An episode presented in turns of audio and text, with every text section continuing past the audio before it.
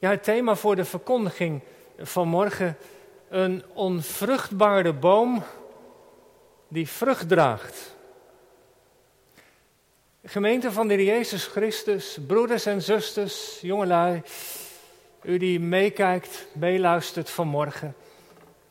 Je wordt er niet vrolijker van als je door een straat loopt en allerlei winkelpanden leeg ziet staan.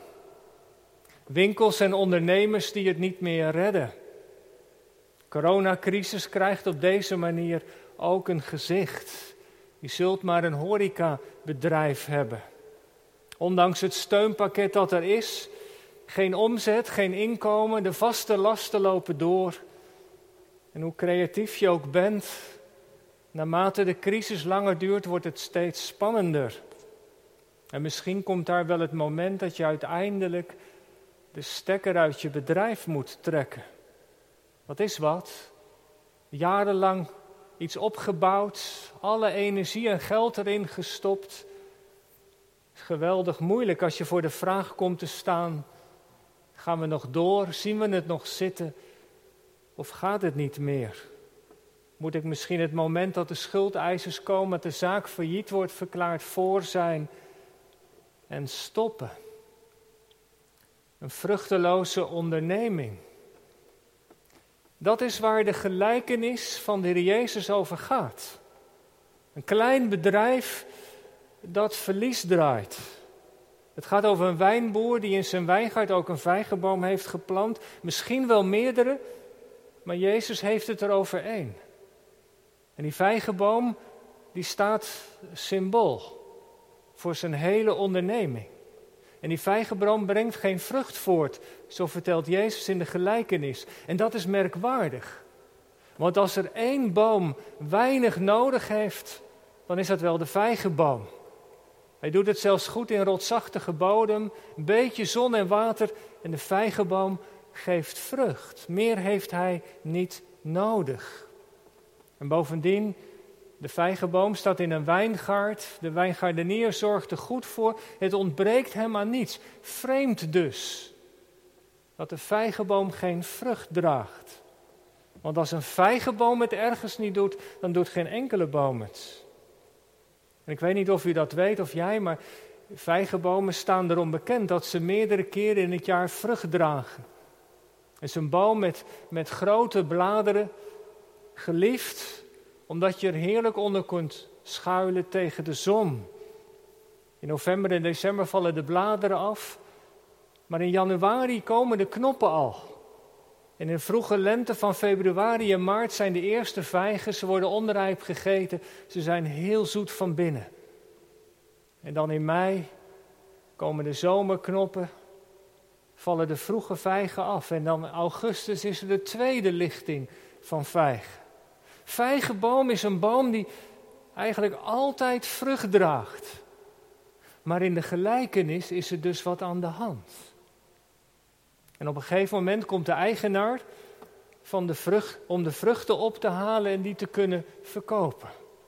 En zo gaat het als ondernemer. Je investeert in iets en hoopt dat het zal renderen. Zodat je de producten kunt verkopen, winst kunt maken, in je levensonderhoud kunnen voorzien, weer opnieuw investeren in je bedrijf. De eigenaar is benieuwd, maar als hij komt, teleurstelling. Geen enkele vrucht. Geen opbrengst, geen inkomen. Hoe zal het gaan met de onderneming? De vijgenboom staat symbool voor die hele onderneming. Is ze rendabel? En je ziet het voor je, hij steekt zijn hand onder de, de bladeren op zoek naar de vrucht, maar, maar die is er niet. En het is niet de eerste keer al, het is elke keer weer hetzelfde liedje. Elke keer weer levert de boom helemaal niets op. Elk jaar hetzelfde resultaat en de eigenaar is geduldig geweest, zegt Jezus. Hij heeft ervoor gezorgd dat er aan alle voorwaarden is voldaan. Het heeft, om zo te zeggen, de boom aan niets ontbroken. Wat kan hij doen? Nu weer zoveelste jaar er geen vruchten zijn. Al zoveel geduld gehad. Weet je, dit heeft gewoon geen zin meer. Je kan de grond beter voor wat anders gebruiken. Er is maar één conclusie mogelijk. Hak die boom maar om. Nou, dat moet voor de mensen die luisteren wel een schok geweest zijn. Hak die boom om. Waarom? Omdat in Israël de vijgenboom symbool stond voor het volk zelf.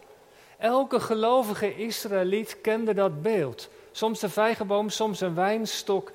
En op de achtergrond klinkt het lied van Jesaja 5 in deze kleine gelijkenis mee. Een lied van de oogst.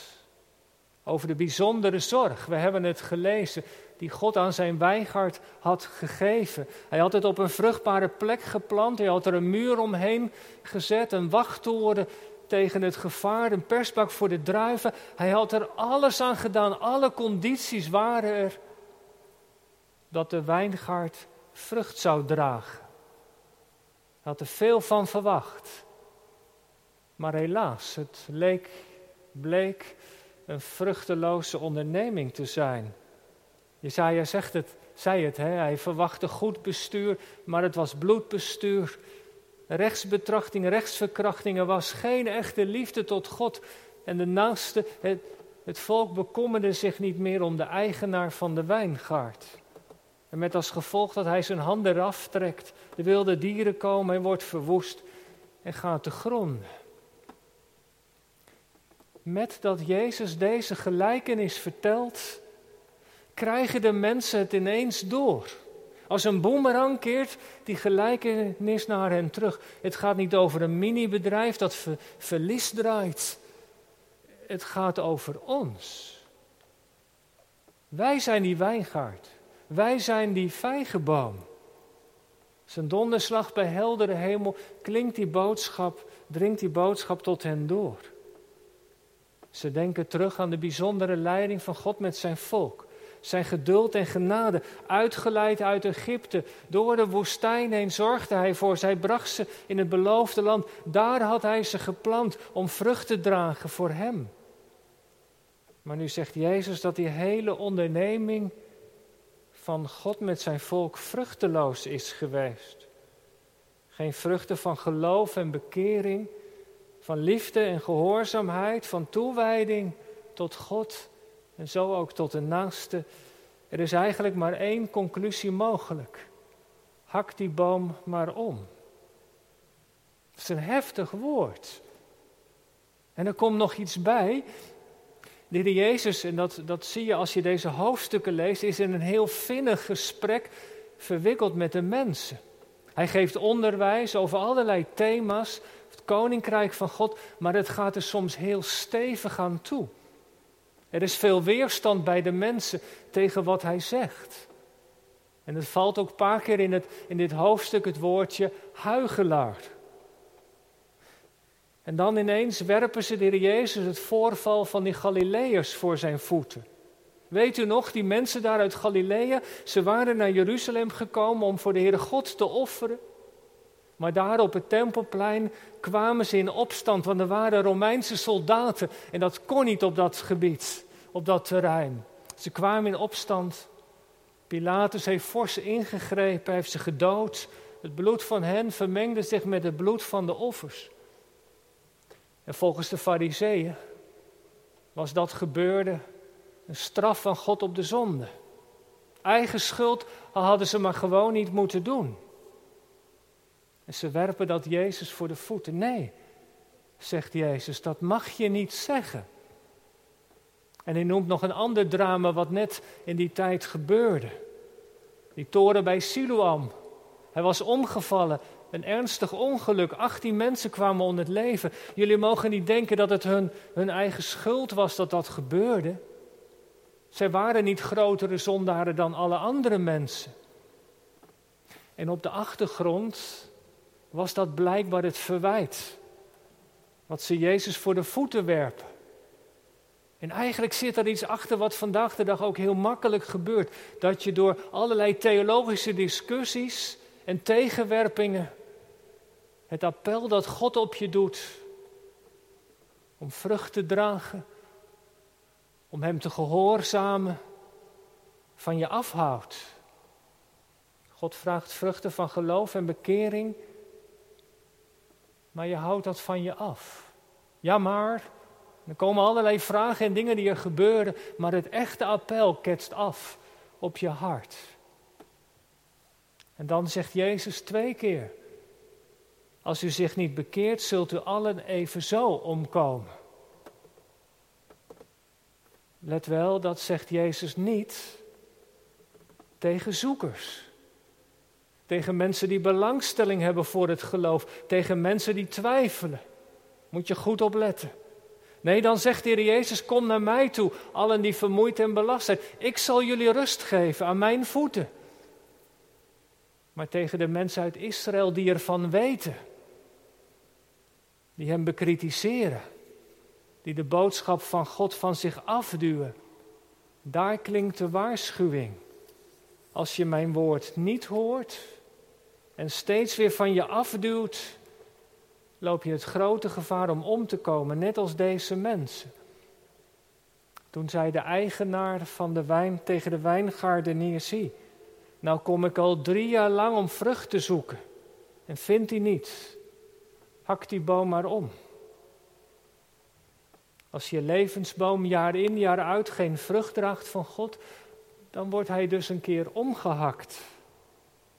En het kan ook niet anders of die eenvoudige gelijkenis van Jezus moet ingeslagen hebben als een bom bij de mensen. En gemeentebroeders en zusters, vanmorgen komt dit woord van Jezus naar ons toe. Stemt tot nadenken. Als de eigenaar komt op zoek naar vrucht, als hij zijn hand steekt onder de bladeren van onze levensboom, vindt hij dan vrucht? En zo ja, welke vruchten vindt hij dan?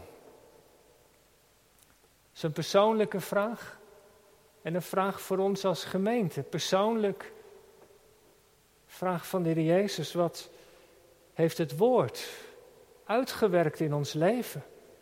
Al die preken die we hebben gehoord, die bijbelstudies die we samen hebben gedaan, kreeg de geest ruimte in ons leven? Heeft het wat uitgewerkt of, of hielden we het appel van het woord van ons af? Is nou in het afgelopen jaar van corona, precies een jaar geleden, de liefde tot de Heer Jezus in ons leven gegroeid? Meer van Hem, minder van onszelf. Of zijn we zo druk geweest met onze plannen en projecten? Hoe staat het met het gebed in ons leven? Met de beschikbaarheid om om te zien naar de naaste. En in die keuzes die we maakten, hebben we daar de Heer ook echt bij betrokken. Of als gemeente. Als Sint-Jans gemeente zijn we een grote gemeente. Je zou kunnen zeggen, een grote vijgenboom met heel veel blad. Veel activiteiten. Een gemeente waarvan alles te doen is. Op de clubs en de kringen. Vergaderingen en commissies. Veel groene bladeren. Is er ook vrucht? Wat heeft het evangelie onder ons uitgewerkt? Hebben wij mensen bij, bij de Heer Jezus gebracht? Heeft de stad kunnen merken dat hier een levende gemeente is? Een gemeente die er naar verlangt om tot zegen voor anderen te zijn? Hebben de liefde van de Heer ontvangen en ook doorgegeven? Of stonden we bekend om vruchten? Was er weinig uitstraling, weinig vreugde, weinig geloofsvertrouwen, weinig echte liefde tot Christus? Als de Heer van de oogst komt, zal Hij dan vruchten vinden van oprecht geloof? Dat we van de Heer Jezus houden, Hem niet kunnen missen, van toewijding en gehoorzaamheid? Zo niet, zegt Jezus, dan zal onze boom worden omgehakt. Maar dan, dan ineens is daar de wijngaardenier. Hij stond tot nu toe nog wat aan de zijlijn, maar ineens stapt hij naar voren. En hij spreekt de eigenaar tegen. Hij pleit voor de vijgenboom. Geef hem nog even tijd. Laat hem nog een jaar staan. Ik zal extra voor hem zorgen. Misschien dat hij dan vrucht draagt. Geef hem nog een kans. Voor hem is die vijgenboom veel meer dan een stukje hout. En in die wijngaardenier zien we het beeld van de Heer Jezus. Jezus die bij zijn vader pleit voor die onvruchtbare vijgenboom. Jezus die om uitstel vraagt bij zijn vader. De wijngaardenier die als advocaat optreedt voor de vijgenboom. Voor de wijngaard van Israël, voor zijn gemeente, voor ons, voor jou, voor mij. De gelijkenis heeft een open einde. Hoe zal het zijn als de eigenaar terugkomt? Als hij zijn hand steekt onder de bladeren van de gemeente, van mijn persoonlijk leven, zal hij dan de vrucht vinden waar hij zo naar verlangt? Of zal hij de kandelaar wegnemen en de boom omhakken? En als de eigenaar nu aan het einde van de tijd, na verloop van tijd komt en de gewenste vrucht niet vindt, dan laat hij de boom omhakken. Maar weet u, nog een keer de wijngaardenier. In dit kleine gelijkenisje zit ook evangelie. Ik kan het exegetisch niet helemaal uit de tekst halen. Maar ik stel me zo voor dat als de boom wordt omgehakt, dat dan de wijngaardenier naar voren treedt en de boom met zijn beide handen pakt. En dat hij die boom op zijn rug neemt en wegdraagt. Op weg naar Golgotha.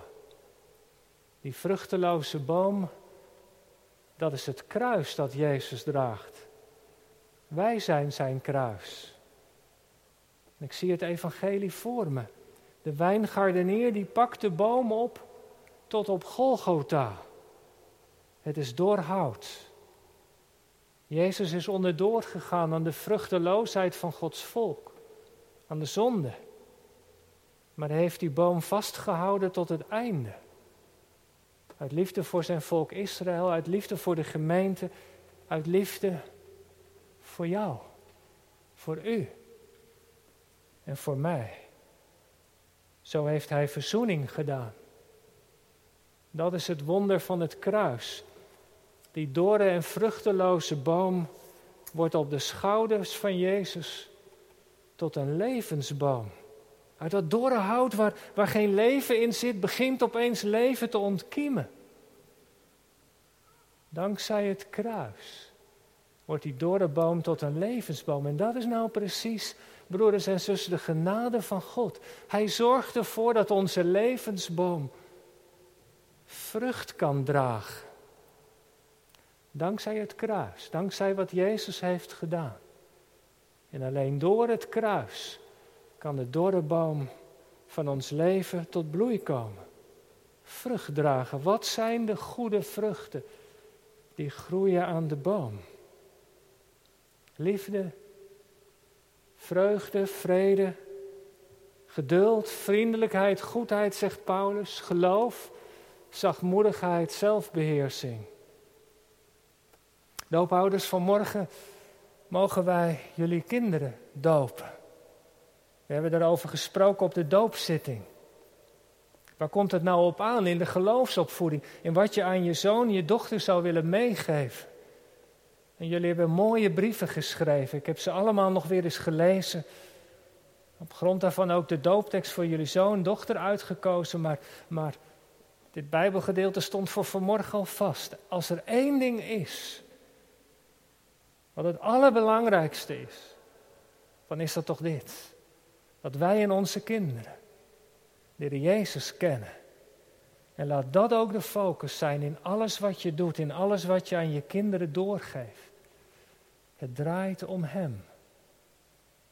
Want alleen door Jezus. Zo eenvoudig is het. De deur staat open. Door hem, met Hem verbonden te zijn kan ons leven vrucht dragen. Morgen weer, te midden van je vriendengroep, de buurt waarin je woont, op je werk als je collega's kunt ontmoeten. Op allerlei manieren.